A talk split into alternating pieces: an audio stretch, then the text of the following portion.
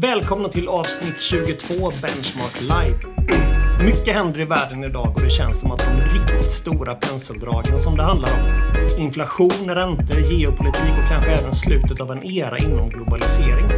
För att reda ut alla de här begreppen så har jag idag ett kärt återbesök i form av Olof Manner som är Senior Advisor på Swedbank. Kul att ha dig med i podden igen. Tack ska du ha. Jättekul att vara med. Jag gissar på att du har haft ganska hektiska dagar under detta året eftersom det är så mycket som händer på makrohimlen. Ja men så är det. Eh, inte bara det dessutom utan eh, efter att den här eh, omikron-nedstängningen försvann så har ju eh, behovet eh, att ses och få eh, det här förklarat för sig både hos kunder, kontor och sparbanker ökat. Så att det har varit ett, ett väldigt resande framför allt. men det är bara roligt. Det är ju roligt att träffa folk igen. Det är roligt att få träffa folk och det är roligt att få dela med sig av sina erfarenheter. För att eh, det som är på väg att ske nu, eh, ränteuppgång och så vidare. Man får ju i det närmaste vara pensionär för att ha den erfarenheten. Mm. Eh, och eh, det gör jag ju också. Så att, eh, jag vågar inte säga det själv. Nej, och, och det gör det ju så att säga eh, lite roligt att få damma av sina erfarenheter eh, eh, av, av det som komma skall. Och det är det du pratar om mycket när du är ute då som senior advisor och, liksom, och försöker leda dina Ja, alltså jag har ju en, en, en lång räntebakgrund och har ju dessutom varit eh, analyschef och chef för makroanalysen här på banken. Eh, så att eh, det är klart att, att, när det börjar röra på sig i räntevärlden så, så, så blir ju en stor del av mitt jobb att gå ut och träffa kunderna. Och det jag gör då är väl egentligen att jag, beroende på vem jag ser, så försöker jag då specialanpassa de här dragningarna. För det kan se lite olika ut om man träffar en, en biltillverkare eller en, eh, ett bondekollektiv eller en fastighetsutvecklare. Det är man ju intresserad av olika saker. Och det tycker jag är väldigt roligt för det gör att man får då sätta sig in i vad kunderna håller på med. Men sen är det klart att det blir en hel del dragningar också för bankens olika kunder privatkunder, PB-kunder och sånt där. Mm. Och de är intresserade av andra saker. Det kommer ju alltid tre frågor. Vart ska räntan? Eh, hur går börsen? Eh, och i vissa fall, vad händer med kronan? Det är ju liksom mm. normala frågor. Mm. Jag tänkte vi skulle kolla på allt det idag faktiskt. Men jag tycker vi börjar med framförallt då inflationen som är på 40-årshögsta i många delar av världen. Vad beror denna enorm uppgång på framför allt? Det är en mängd orsaker, eller så kan man väl nästan kalla det en perfekt storm då för eh, högre inflation. I, I grunden ligger ju en extremt, en, en ultralätt penningpolitik. Eh, där så att säga eh, eh centralbankerna har tryckt upp eh, tusentals miljarder av digital eh, valuta. Eh, dollar, pund, yen, kronor, eh, euro, vad du vill och, och eh, skjutsat ut i det finansiella systemet. Och de har ju eh, för all del legat bundna i det finansiella systemet men det gör ju att tillgångspriserna har ökat ordentligt eh, i stort sett överallt. Eh, och det gör ju att på många håll ser hushållens balansräkning ganska god ut. Eh, fastighetspriserna har gått upp och finansiella innehav i stort sett oavsett vad man har haft har också gått bra. Allting har ju eh, mer eller mindre hamnat på all time high. Eh, och dessutom så har ju då räntorna varit extremt låga, vilket har gjort att det har varit i det närmaste eh, gratis att låna pengar. Och den finansiella sockerskålen är ju svårt att hålla fingrarna ifrån. Eh, och det gör ju då att när vi går in i eh, pandemin Eh, då går det inte att konsumera så mycket som man har velat. Sparkvoten ökade dessutom för man var osäker om framtiden och så vidare. Så att man ackumulerade då ett, ett, ett ytterligare sparande eh, på i, i övrigt ganska goda balansräkningar. Eh, och sen så släpper man då på eh, regleringarna, efterfrågan släpps fri. Men det finns då eh, en mängd stoppklossar i ekonomin leverantörskedjor som är tiltade, logistikkedjor som inte fungerar. Eh, och det gör ju liksom att eh, efterfrågan då är, som fortfarande är stor och att utbudet begränsas, ja då sticker priserna.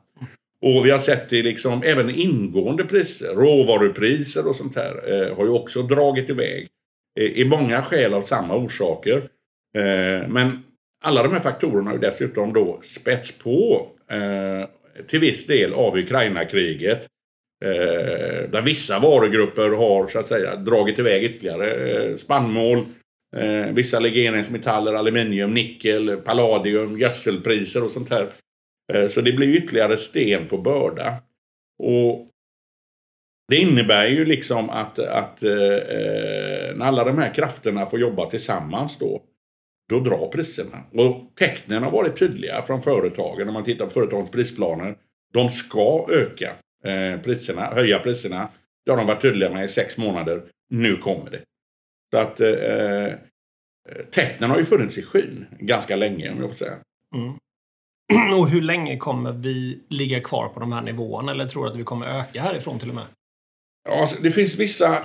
Det finns åtminstone en långsiktig trend som nu eroderar och det är ju eh, globaliseringen. Eh, vi är inne i en deglobaliseringsfas nu.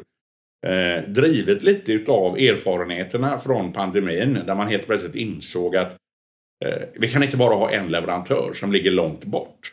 Eh, leveranserna kan ju upphöra av en mängd olika skäl, det behöver ju inte vara pandemier. Eh, så man har ju då eh, i flera fall påbörjat, eller åtminstone funderat på att flytta produktionen närmare kroppen. Man har också börjat bygga lager igen av samma anledning. Att inte behöva drabbas av de här produktionsstoppen. Vissa eh, verksamheter fick ju tidvis lägga ner inom mm. fordonsindustrin och så vidare. och så vidare. Eh, och den här deglobaliseringen då, när man flyttar produktionen närmare eh, kroppen innebär ju att risken minskar men priset stiger. I många fall. Och på kort sikt så kommer priserna att stiga. Även på medellång sikt över tiden så kanske så att säga prisnivåerna utjämnas. Det beror på produktivitet och andra faktorer. Eh, så att det är ju en lång trend. I övrigt om man ska titta på inflationen på, i, i närtid så är det väl rimligt att anta att den toppar någon gång under eh, slutet på Q2 i år. Eh, och det beror ju på att det som då tryckte upp inflationen ordentligt eh, med början för ungefär ett år sedan, eh, energipriser och, och framförallt elpriser, de här prisökningarna faller ur tidsserien, det 12 månaders rullande talet. Mm. Och det gör att allt annat lika så faller ju då inflationen tillbaka med lika mycket som den en gång höjdes. Mm. Eh, vad man har gått lite fel då från centralbankerna det är ju att det tillkommer nu en hel del inflation. Och det gör ju att även om inflationen faller tillbaka så kommer den inte falla tillbaka till de låga nivåer man trodde. Och det är den stora skillnaden. Just det. Och du säger också att globaliseringen avtar nu. Och man flyttar hem produktion. Men är vi inte så pass tekniskt långt fram så att det är lika billigt att tillverka saker i Europa? Nej, inte ännu. Det är det inte. Eh, det är det inte. Och det är ju också anledningen till att man då eh, har så stor produktion i Kina. Mm. Eh, det är helt enkelt billigare. Eh, sen har det ju gradvis i takt med en ökad tillväxt i Kina och ett ökande löneläge så har ju de här kostnadsfördelarna eh, blivit mindre och mindre. Så att förr eller senare så skulle vi hamnat i ett läge där, mm. där kostnadsfördelarna hade varit så att säga eller inte varit så stora att det kanske ändå hade varit motiverat, vad vet jag. Men nu blir det här påskyndat då av så att säga eh, geopolitiskt tänkande och, och ett, ett, annat säkerhetstänk så att säga. Mm. Eh, så att det, det, den trenden var på gång. Och den andra trenden som har hållit ner inflationen under lång tid det är ju liksom eh, den eh, digitaliseringen. Eh, som, som har då utvecklats eh, enormt under de sista 15-20 åren. Och det har ju då gett en global pristransparens och eh, en, en, eh, en ökad produktivitet i många fall. Men även effekterna av det börjar så att säga eh, ebba ur. Mm. Även om digitaliseringen kommer att fortsätta. Precis. Men, men det finns så mycket konkurrens där nu så det går liksom inte att hitta Nej men jag menar du, om, om, du går ut och söker efter priset på en vara idag så liksom, du får ju en global prisuppfattning mm. direkt. Nej, det är bara frågan om hur du söker. Men du får ju alltid reda på det billigaste priset. Mm. Och, och, det är klart att det får jättestora effekter. Absolut. Du nämnde också att våra balansräkningar är ganska stora. Det innebär att vi är ganska räntekänsliga. Man kan ju tänka sig att när inflationen är så hög så kommer Riksbanken att höja räntorna snabbare och dra tillbaka stödpaket och sånt. Vilket gör att ränteläget kommer upp ganska mycket. Vilket gör att många som har huslån får mer att spendera på att betala räntan såklart. Vilket då minskar konsumtionsförmågan, vilket borde minska inflationen. Ja, det är ju helt rätt över tiden. Eh, jag skulle vilja säga att eh, eh, balansräkningarna är ju rätt svullna överhuvudtaget. Eh, och det besvärliga nu då, det som skulle kunna ske är ju att både tillgångssidan går ner i pris samtidigt som skulderna då som eh, ligger på andra sidan blir besvärligare att hantera i ett högre ränteläge. Eh, därmed inte sagt, liksom, jag ska inte sitta här och skriva på näsan att börsen ska ner och fastighetspriserna går ner, för det, det vet jag ingenting om. Eh, men risken ligger i varje fall på nedsidan eh, om räntorna höjs ordentligt. Och det är klart att då eh, över tiden i en högt skuldsatt ekonomi så eh, biter ju räntehöjningarna hö eh, mera. Räntekänsligheten är högre. Och i, en, liksom i ett bredare perspektiv om man tittar på var har prisuppgångarna, liksom de kraftiga prisuppgångarna varit? Ja, det är på energi, det är på mat och nu kommer också då räntorna. Det här är ju liksom eh, tre grupper av, av eh, som hushållen eh, in, inte kan liksom gömma sig Nej, ifrån. precis. Du behöver äta, du behöver värma upp ditt hus och du måste betala dina räntor. Eh, och det gör ju att om de här kostnadsposterna stiger för mycket då är det ju rimligt att man snörper in på annan typ av konsumtion som inte upplevs som lika viktig. Vad det kan vara, eh, det är svårt att säga med tanke på postpandemi. Ett normalfall hade jag väl svarat resor. Men nu är ju behovet av att resa väldigt stort. Eh, men det kan vara annan typ av konsumtion. Men det är det rimliga att man då eh, stramar åt på det lite grann. Och i och med det så blir ju liksom kanske tillväxten mindre. För företagens del, eh, när räntorna går upp blir det dyrare, allt annat lika, att finansiera sig. Det kan få investeringarna kanske och, och eh, bli svårare att räkna hem och så vidare. Så att, ja, att man får då lägre tillväxt ligger ju i farans riktning. Men det är då viktigt att komma ihåg att eh, Alltså i, I vår senaste konjunkturprognos så har vi förvisso dragit ner tillväxten med en halv procent för, Sverige, för svensk del. Men vi ser den fortfarande någonstans runt 2,7 procent för innevarande år. Och det är ingalunda en dålig tillväxt. Nej, nej precis. Det är en, en, en ganska normal tillväxt skulle jag vilja säga över flera konjunkturcykler för ett väl utvecklat industriland. Eh, så att det, det blir inte lika högt som det har varit direkt efter pandemin. Men, men det är heller ingen normal tillväxt. tillväxt. Den har varit för hög. Va? Precis. Du säger att räntorna kommer gå upp och det tror väl de flesta såklart. Men hur mycket kan räntorna gå upp egentligen? Jag menar, visst, privatpersoner är högt skuldsatta. Företag är högt skuldsatta som har lånat massvis med pengar de sista åren för att köpa tillbaka aktier. Framförallt kanske USA, det har varit en stor trend ju. Men sen även stater, jag menar pratar vi EU och framförallt kanske USA så har de ju extremt mycket statsskuld. Och när det är då en, om så att säga staten i USA bestämmer sin egen ränta genom att liksom göra olika saker. Men vill inte de hålla räntan så låg som möjligt för att kunna betala räntorna på sin statsskuld? Jo, eh, det är klart. Eh, men de flesta centralbanker har ju ett övergripande mål. Och det är ju prisstabilitet. Mm. Och eh, det är ju så att säga det de ska koncentrera sig på eh, i första hand. Gör man inte det så finns ju risken att eh, allmänhet och eh, företag tappar förtroendet för deras förmåga att eh, liksom, eh, försvara inflationsmålet. Eh, och då kan inflationen få, eh, då kan den utvecklas och liksom bli betydligt högre under betydligt lägre tid. Dit vill man ju inte tillbaka. Eh, men det är klart att om skuldsättningen är hög, oavsett om det är på hushållsnivå eller på statsnivå, så biter ju detta i, i eh, så att säga, eh, i ekonomin när räntorna går upp. Men det går ju inte att en gång till då ta upp en bit kanin i hatten. Utan någon gång måste man liksom börja approchera det faktum. Oavsett om det gäller hushållens skulder eller statsskulder. Eh, och det kan väl vara ett synnerligen bra läge då att sätta fokus på det när räntorna går upp. Eh, det finns ett gammalt uttryck som säger att det är först när, när ebben kommer som man ser vem som har eh, badbyxor på sig eller mm. inte. Och vi, eh, folk i marknaden har ju alltid velat, vetat om att vissa länder då i, i EU har en betydligt större skuld och kommer få känna av det om och när räntorna mm. går upp. Eh, och nu gör de det och då får man väl rimligtvis eh, eh, liksom svälja det. Med det sagt så har ju så att säga både EU och ECB visat sig vara ganska uppfinningsrika när det gäller att liksom supporta länder med för stor eh, skuld. Mm. Man vill ju inte att någon ska hamna på backen. Nej, det är klart. Och det kommer man nog göra igen. Va? Eh, det tror jag. Eh, det, det, det, det, tror jag. Men, men det är klart, det kommer att göra ont på sina håll. Mm. Både hos hushåll, hos företag och hos vissa stater. När räntorna nu går upp. Och jag menar, de har ju redan gått upp ordentligt. Mm. Absolut. En svensk tvåårig statsobligation är ju upp eh, en procent ungefär på, sen i höstas. Mm. Eh, så att jag menar, men det, tabloiderna skriver ju inte om det. Det är först när boräntorna går upp som det hamnar på första sidan mm. i Expressen. Marknadsräntorna har ju varit på väg upp under ganska lång tid. Mm, precis. Å andra sidan så kanske tabloiden också bara tittar på Ingves styrränta.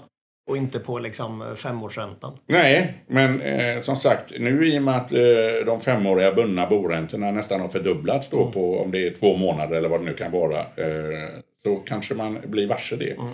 Eh, men som sagt, det är en åldersfråga om det man ser nu eh, framför sig eh, ska kallas för åtstramning eller normalisering. Mm.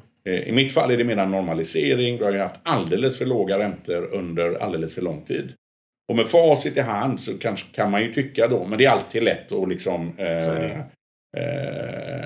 när man sitter med, med, med, med, facit och säga vad man skulle ha gjort. Eh, men rimligtvis borde man ju ha, så att säga, börjat ta sig ur den här ultralätta penningpolitiken lite tidigare. Mm. För nu, så att säga, om man ska agera och skydda inflationsmålet med de eh, nödvändiga räntehöjningar som då erfordras, ja då kan så att säga chocken i ekonomin bli mm, besvärligare. Men finanspolitiken, åtminstone i Sverige, kommer ju få ta ett större ansvar för tillväxten framöver. Just det. Så är det. Och det är ett valår dessutom och mm. hittills så verkar det inte finnas någon hejd på pengarna som man är beredd att släppa ut i alla möjliga sammanhang. Nej, men absolut. Men egentligen så borde man ha struntat lite i inflationsmålet de sista kanske tio åren och höjt räntorna ändå. Ja, återigen med facit i hand är det lätt att säga att, att eh, med tanke på globaliseringseffekter, digitaliseringseffekter och annat så påverkar inte penningpolitiken inflationen så mycket. Det är lätt att säga nu. Mm. Eh, Eh, jag tror ju personligen att det var så. Man har inte kunnat påverka så att säga den globalt låga inflationen med, med vad vi gör med penningpolitiken i Nej, Sverige i någon större omfattning. Å andra sidan, man gjort någonting, eller man fått kritik för det också. Så att det är liksom... Eh, nu är vi där vi är och nu får man liksom gilla läget härifrån framåt. Mm. Jag har sett en graf på att eh, världens skuld efter andra världskriget låg på ungefär samma ställe som vi ligger idag i förhållande till BNP. Och sen från och med 1945 ungefär fram till 1971, ungefär när Nixon släppte guldstandarden, så sjönk skulden väldigt mycket. Eh, och vad jag läser beror det framförallt på att man lät inflationen direkt efter andra världskriget vara högre än räntorna. Vilket gjorde att man liksom... Inflaterade bort skulden. Ja, precis. Ja. Lite som Japan har försökt göra fast misslyckats med i 30-40 år. Eh, men är det så du ser framtiden också? Att liksom, Nej, om vi har 4, 5, 6 procent inflation så kommer vi inte få samma typ av räntor? Du, där måste man ju först göra ett antagande om vad man tror att, att realräntan ska vara. Eh, jag tror inte att, att eh, eh, även om det fungerar så i, eh, eller fungerade så i praktiken, så, så tror jag inte det är någonting man, man från centralbankshåll går och funderar över just nu. Eh, det kan bli en effekt utav eh, hur centralbankerna agerar.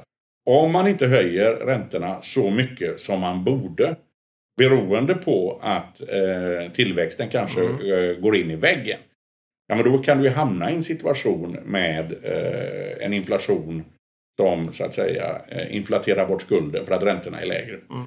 Jag tror inte det är någonting man medvetet gör. Det kan bli så att säga en, en, en collateral damage, eller i det här fallet då collateral profit utav det. Men det är, ingen, det, det är ingenting jag tror att man funderar på. Eh, det andra sättet är ju liksom att hoppas på att tillväxten blir hög. Man mäter ju ofta eh, skulden i förhållande till BNP. Mm. Eh, om, om, om, om, om tillväxten är tillräckligt hög och nominella räntor är tillräckligt eh, eller, ja, låga, mm. då, då, då ändrar du också så att säga eh, skulden i förhållande till BNP över tiden. Eh, jag tror inte att det är det man i första hand tänker på nu, om jag ska vara ärlig. Men det kan bli effekten beroende på vad som händer med tillväxten. Mm. Så vad ska man då som investerare göra med sina pengar i en sån här miljö där det är hög inflation och låga räntor? Men att ha pengarna på banken, då är det ju garanterat förlorare med 6-7 procent om året just nu. Um, och köpa aktier brukar ju faktiskt vara ganska bra i eh, inflationsmiljö, förutom början på 70-talet då vi hade stark inflation. Men liksom finns det någon, jag menar guld har alltid sagts vara en bra hedge, men jag vet, än så länge har inte guldet rört sig sådär jättemycket i alla fall. Men liksom, hur ska man hantera sin, sin, sitt kapital? Ja, men det är, det är svårt. Eh, så är det ju.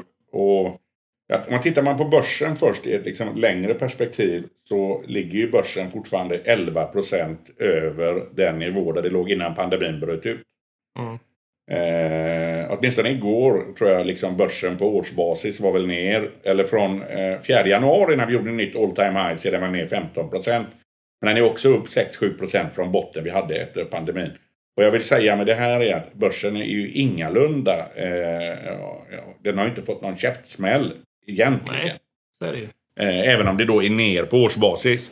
Eh, tittar man på, på guldet som du nämnde, ja det är inte på, heller, det är inte på all time high, det ligger bara 5% ifrån, men det är ganska nära all time high. Så guldet har ändå rört sig som det borde.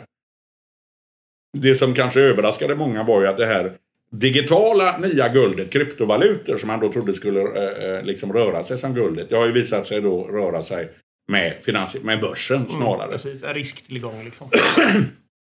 Och det är klart, i, ett, ett, generellt högre ränteläge, allt annat lika, så ska ju företag, de måste ju då kunna visa större eller högre vinstprognoser för att motivera en given aktiekurs. Eh, och det kanske rimmar illa då med, med de, eh, med de eh, prognoser man har för tillväxten. Eh, eh både på global och svensk nivå just nu. För jag skulle ändå vilja säga att, att eh, ett stigande ränteläge, allt annat lika, ska ju ha en dämpande effekt på börsen. Sen finns det kanske vissa sektorer som kommer klara det bättre än andra och så vidare. Och jag kan ju bara se hur, liksom, hur gör jag med mina egna pengar i sådana här lägen då? Jo, men det är klart att jag blir också mer defensiv. Det är det som historiskt har funkat. Det är att ligga med, med liksom korta räntefonder. Du får ingen positiv avkastning, men den blir, inte, den blir lätt negativ. Mm. Och det beror på att variationen är så liten. Eh, sen om man är, är riktigt förslagen då kan man ju köpa korta realränteobligationer. Det är inte lätt för vanliga sparare att göra det, men det finns ju realräntefonder. Men de brukar ha ganska lång duration tror jag va? Ja, jag sa korta. Ja, men precis. Jag vet inte om det finns några sådana fonder som har kort duration. På ja, det är ju upp till fondförvaltaren. Ja, ja, det finns däremot korta, alltså realränteobligationer med korta löptider. Mm. Man ju hoppas att de ligger i sådana då. Annars mm. är ju alternativet att gå in och handla dem själva och det är inte så lätt för vanliga människor. Nej, precis. Men eh, det är ändå en, en, en tillgångsklass som, som liksom, eh, man skulle kunna ha. Och sen är det ju guld. Va? Men sen kan man ju ha pengarna på ett vanligt bankkonto. Eh, det är inte så roligt, men det gäller ju att skydda nedsidan i den här mm. miljön eh, snarare än att leta eh, efter uppsidor. Sen går det ju att ligga kort också, men det är ju ett annat, det är ju liksom det är kanske inte någonting att rekommendera för vanliga sparare att gå in och dribbla i den marknaden. Så att det är tuffare att få en avkastning och noll är inte alltid så jädra dåligt. Nej, nej, nej precis. Och det får man väl det får man väl köpa. Jag menar börsen är ju ändå upp 60% från pandemibotten eh, 2020. Så att det är liksom en ganska bra resa. Fastighetspriserna har också ökat eh, hela tiden. Eh, och för årets tre första månader är de väl ändå upp någonstans mellan 5 och 7 procent. Mm. Det är också svårt att se att man ska ha den historiska prisutvecklingen på fastigheter eh, när och om räntorna liksom börjar dra upp. Det är klart. Verkligen. Så även där är ju risken på nedsidan. Så att det, det är liksom... Eh, men tittar man på liksom börsen och annat över ett treårsperspektiv så har ju ändå avkastningen varit väldigt god. Eh, sen är det en åldersfråga om man liksom ska hoppa in och ur i börsen. Mm. Är man eh, är man i början eh, av livet eller är liksom mellan 20 och 30 år och, och, och, och fondspara varje månad, då är det ju liksom Det är bara att trycka in pengarna på börsen. Det, Mm. det, det slår ju allt annat över tiden och det kan vara svårt att manövrera i de här kasten. Men allt annat lika, i ett högre, eh, begynnande högre ränteläge så är ju riskerna på nedsidan. Så är det ju. Samtidigt då historiskt så har ju faktiskt börsen gått ganska bra oftast när man höjer räntorna. Med tanke på att man höjer räntorna för att det är så god tillväxt i ekonomin. Men det är ju skillnaden nu att eh, Precis. nu är det ju inflationen som gör att man höjer räntorna och, inte, eh, och samtidigt drar man ju ner tillväxtprognoserna.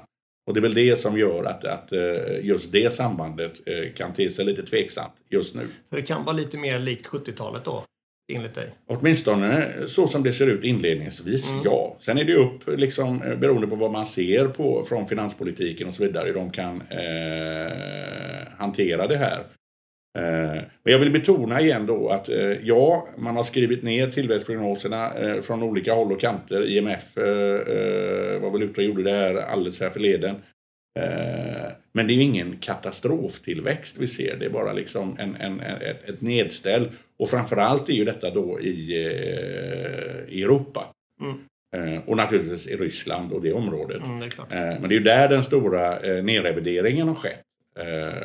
Och det beror ju på att vi då ligger närmast den här konflikten och, och är känsligast då för eh, rysk olje och gasleverans och så vidare. Då. Så att, Eh, men det kommer ju också kanske att ge tillfälle till eh, investeringar framöver som, som då eh, ger tillväxten en boost. Precis. Vi ska prata lite mer om det sen. Men jag tänkte bara eh, kort gå in lite till på det här med penningtryckeri.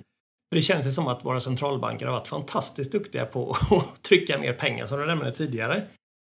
Och jag tror vi, näm- vi pratade lite om det vid förra poddtillfället också, för ungefär två år sedan. Liksom, när ska de... Alltså, hur kan man bara ha förtroende för en valuta som bara trycks i all oändlighet? Är inte det konstigt? Jo, och eh, det är det ju.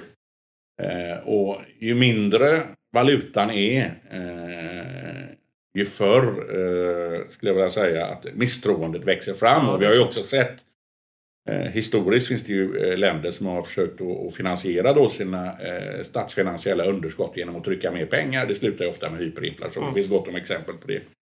Eh, men den här gången har ju pengarna varit då eh, hyfsat isolerade i det finansiella systemet. Sen har det ju Mm. då sipprat ut i allmänheten i form av stigande tillgångspriser. Mm.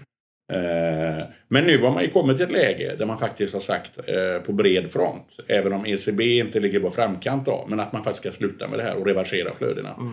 Man kommer ju nu att påbörja debalanseringen av de här enorma eh, balansräkningarna. Det kommer ta lite tid, ja. Eh, men man kommer nog börja. Och eh, det enklaste sättet då är ju att eh, inte återinvestera de förfallen som man har i sina böcker. Och det är också den vägen man kommer att gå. Mm. Och där förväntar jag mig att Riksbanken kommer att påbörja det. Fed har redan påbörjat och så vidare. Så att man går åtminstone åt rätt håll.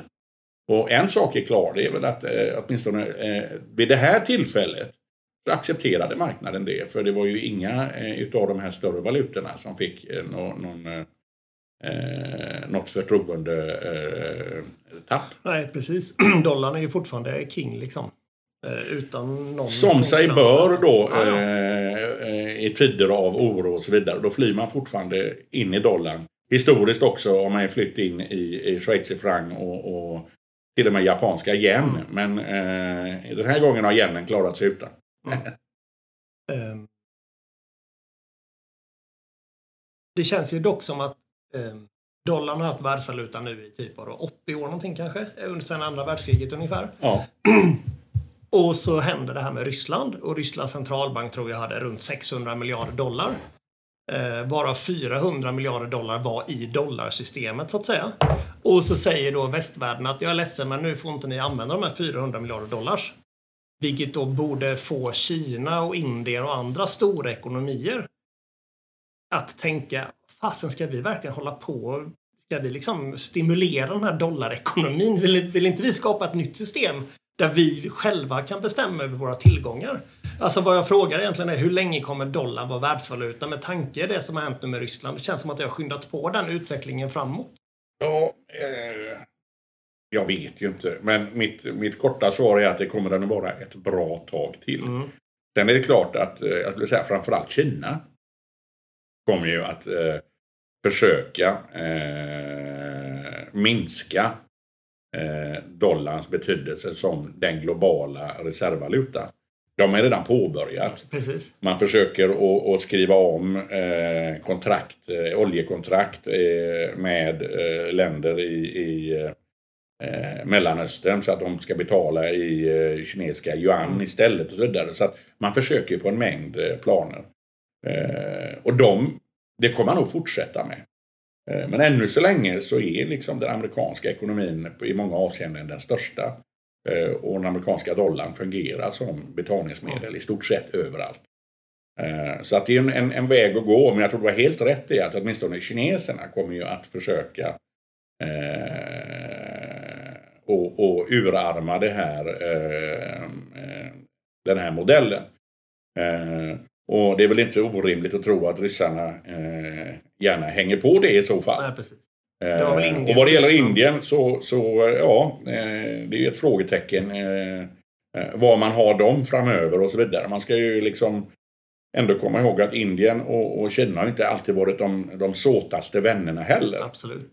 Just nu så är det liksom, har Indien inte fördömt, eller ja, det är väl svårt att veta vad man har i Indien framöver. Men, men det är klart att, att eh, eh Indien och Kina utgör ju mer än hälften av jordens befolkning. Så att det, är, det är stora grupperingar man har att göra med. Kineserna kommer att fortsätta och försöka ändra på det här. Det tror jag. Många centralbanker har ju sagt att det är dags att minska då balansräkningarna, precis som du nämnde. Eh, och på så sätt kanske dämpa ekonomin eller i alla fall minska partykänslan. Men någonting som får mer stöd än någonsin är ju hållbar energi. Eh, Så frågan är ju om bolag inom hållbar energi är mer intressant än någonsin. För EU Green Deal till exempel, det känns ju som att den delen mot hållbar energi kommer inte minska, den kommer ju snarare öka tack vare det som händer i Ryssland nu. Så det känns som att den, liksom, det Ja, men jag, tror bara har, eh, fortsätta. jag tror du har rätt där. Eh, På kort sikt så är det ju svårt så att säga att eh, ersätta det olje och gasberoendet vi har här och nu. Och det har också gjort att liksom eh, oljesektorn eh, har ju, eh, oljebolagen på börsen har ju stigit i takt med att oljepriserna har ökat. Men på lång sikt så tror jag liksom att eh, övergången från kolvätebaserad eh, energi mot eh, hållbar och förnyelsebar energi. De ansträngningarna kommer bara att öka. Just som en konsekvens av eh, att man nu ser hur sårbar man är. Eh, för även om vi lyckas ändra eh, oljeleveranserna från Ryssland till något annat hörn av världen. Ja, det kan ju dyka upp någonting där också. Så att eh, jag tror i alla fall att eh, ansträngningarna för att på medellång sikt eh, gå över till annan form av energi, de kommer bara att ha intensifierats efter de här erfarenheterna. Så jag tror du har helt rätt där. Det är väl så att jag bara tänker rent om jag hade varit politiker så skulle jag vilja att mitt land var självförsörjande på energi. Ja, men vi Liksom, har också sett vad som har hänt i kärnkraftsdebatten. Ja, ja, eh, och, så här, verkligen. eh, och även i Europa så, så är det liksom... eh, Och kärnkraft är ju hållbar energi nu för tiden, enligt EU. Så är det. Och det är också därför som så att säga debatten har startat och till exempel Frankrike har ju då eh, beslutat att investera i nya kärnkraftverk. Tongångarna är samma i Storbritannien. Tyskland vet väl inte riktigt vilket eh, ben de ska stå på och debatten försiggår ju även i Sverige. Men jag tänker på, om du har då eh, kolbaserad eh, energi på något sätt så måste du köpa in en råvara, för vi har inte så mycket olja i Europa. Medan om du kör vind eller sol eller vatten så har vi ju sol i Europa, Ja, vi har vind i Europa och det kostar ingenting att köpa in. Så liksom marginalnyttan är ju 100 procent Ja på varje ny energi. Och de erfarenheterna man kanske gjorde här när elpriserna toppade i eh, december och januari. Det är väl att, eh, eh, jag menar, eh, vi har ju rätt mycket sol i Sverige under halva året. Mm. Väldigt lite sol under andra halvåret, så vi behöver ju vind. Mm. Eh, men när det är högtryck och väldigt kallt på vintern, då blåser det inte. Nej, precis. Så vi behöver ju någon form av energi som kan klara de här eh, eh, situationerna Mm. när det är mörkt och inte blåser. Och då är väl kärnkraften ett sådant alternativ och sen finns det ju då, eh, eller så får man dra igång de här oljebaserade eh, kraftverken. Det, vi har inte så mycket alternativ. Nej. Så att eh, Tills dess att batteritekniken har utvecklats så mycket att man faktiskt kan lagra den förnyelsebara energin. Och där sker ju stora framsteg, men vi är ju inte där ännu. Nej, nej. Precis. Så att, eh, men men eh, jag tror det är rimligt att ansträngningarna på lång sikt, de har bara blivit eh, större nu för att eh, gå ifrån både kol och, och olja och gas. Är det några typer av bolag som får det extra tufft i stigande räntemiljö? Vi har ju sett till exempel att tillväxtbolag i år har haft det ganska tufft när deras vinster ligger väldigt långt fram i framtiden. Och dessutom, man är rädd för att tillväxten ska gå ner. Ja, men precis. Då blir det double wham så att säga på tio års kassaflödet. Ja, men det är väl alltså eh, bolag som är eh, någorlunda högt skuldsatta och som är värderad på en, för, en förväntad tillväxtökning generellt. De får det ju tuffare än andra bolag när räntorna går upp. Eh, och det ser vi också att det har varit en hyfsad sektorrotation på börsen. Eh, från tillväxtbolag in i cykliska bolag, i läkemedel och, och eh, ja, eh, telekom och såna här saker. Och det är väl rimligt, tycker jag. Mm, verkligen. Ja, men vad härligt eh, Ola, för jag tänkte vi skulle avsluta med några snabba frågor. Eh, är det läge att binda bolåneräntorna nu eller ska man köra på med rörligt? Ja, det beror på hunden skulle jag vilja säga. Det är alltid, eh, det är alltid en kombination av hur gammal man är, eh, hur ens ekonomiska situation ser ut eh, och hur gott man sover om natten. Även om, så att säga, de, de femåriga eh, boräntorna, eh, om listpriserna ligger runt tre så kan man säkert förhandla till sig beroende på hur det ser ut. Det är bra, liksom, man är kanske ner till två och en halv, vad vet jag. Eh, det tycker jag inte är orimligt. Eh, och framförallt om man är ung och är högt skuldsatt. Eh, vi hörde att Ingves, eh, Stefan Ingves då, som är eh, riksbankschef, han pratade om att eventuellt höja räntan tio gånger fram till årsskiftet eh, 23-24. Sant eller falskt? Jag vet inte, men eh, om man har en styrränta på två eh, historiskt då utan förväntningar på att Riksbanken ska göra ditt eller datt. Då brukar ju femårsräntan kanske ligga på tre. Eh, till och med upp till tre och en halv. Och sen har du en, en bostadsobligationsspread då som är ytterligare 100 punkter nästan. Eh, då hamnar ju femåriga eh, bostadsobligationer någonstans eh, en bit över fyra. Mm. Och då är ju inte två och en halv så jädra dumt. Så att eh, eh, det är så att säga eh, precis som alla de här bolåne eh, rådgivarna. Man måste ställa en del frågor. Det har att göra väldigt mycket med individen. Mm, så är det ju. Eh, Börsen upp eller ner på tre år? Ja, på tre år tror jag fortsatt att den, eh, att den kommer att stiga. Då. Det är väl det närmsta eh, året här som, som är i eh, ett stigande ränteläge då. Eh, börsen kan få det kämpigt. Samtidigt ska man veta om att eh, de finansiella marknaderna tycks ha varit lite mer försigkomna än centralbanken den här gången. Marknadsräntan har ju gått upp under en lång period. En hel del av den här ränteuppgången borde ligga diskonterad i börspriserna redan. Dock inte allt tror jag. Så att eh, svaret blir ändå på tre års sikt är nog börsen upp. Eh, SEK eller dollar? Ja, mitt enkla svar är ju då i och med att man har varit mycket tidigare ute eh, i USA och Fed om att de ska höja räntorna och att räntorna dessutom har gått upp mycket mera där. Eh, Medan man har eh, varit mer senfärdig då från Riksbankens sida. Eh, så borde ju eh, räntorna kunna röra sig uppåt mer i Sverige än vad de redan har gjort i USA. Eh, Så att mitt svar är nog ändå att kronan kommer att förstärkas mot eh, både dollarn och euron de närmsta 3 till 6 månaderna. Guld eller bitcoin? Ja, men jag är ju eh, jag är så gammal så att jag svarar guld. Och det hade jag gjort även om de hade rört sig tillsammans. Eh, men nu har ju marknaden, åtminstone hittills då, visat på att bitcoin tycks vara bara just another financial asset. Medan guld är faktiskt någonting som man gärna då flyr in i eh, när man inte vet var man ska ta vägen. Eh, om du bara får kolla på resultaträkningen eller balansräkningen för ett bolag, vad väljer du då? Ja, nu tittar jag ju då gärna på balansräkningen. Mm. Eh, I och med att eh, skuldsidan då tror jag är, är viktig att hålla koll på i ett läge där räntorna går upp.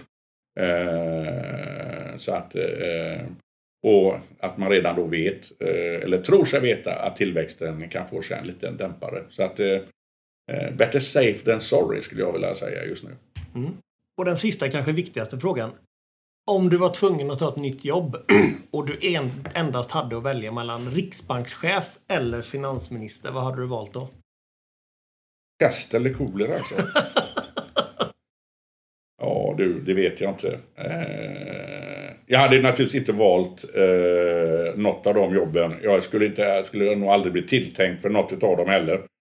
Eh, men blev jag tvungen att välja så som du ställer frågan så tror jag att jag kan lite eh, mer om eh, penningpolitiken än om finanspolitiken. Försvaret hade då blivit riksbankschef, men den tiden är sedan länge förbi.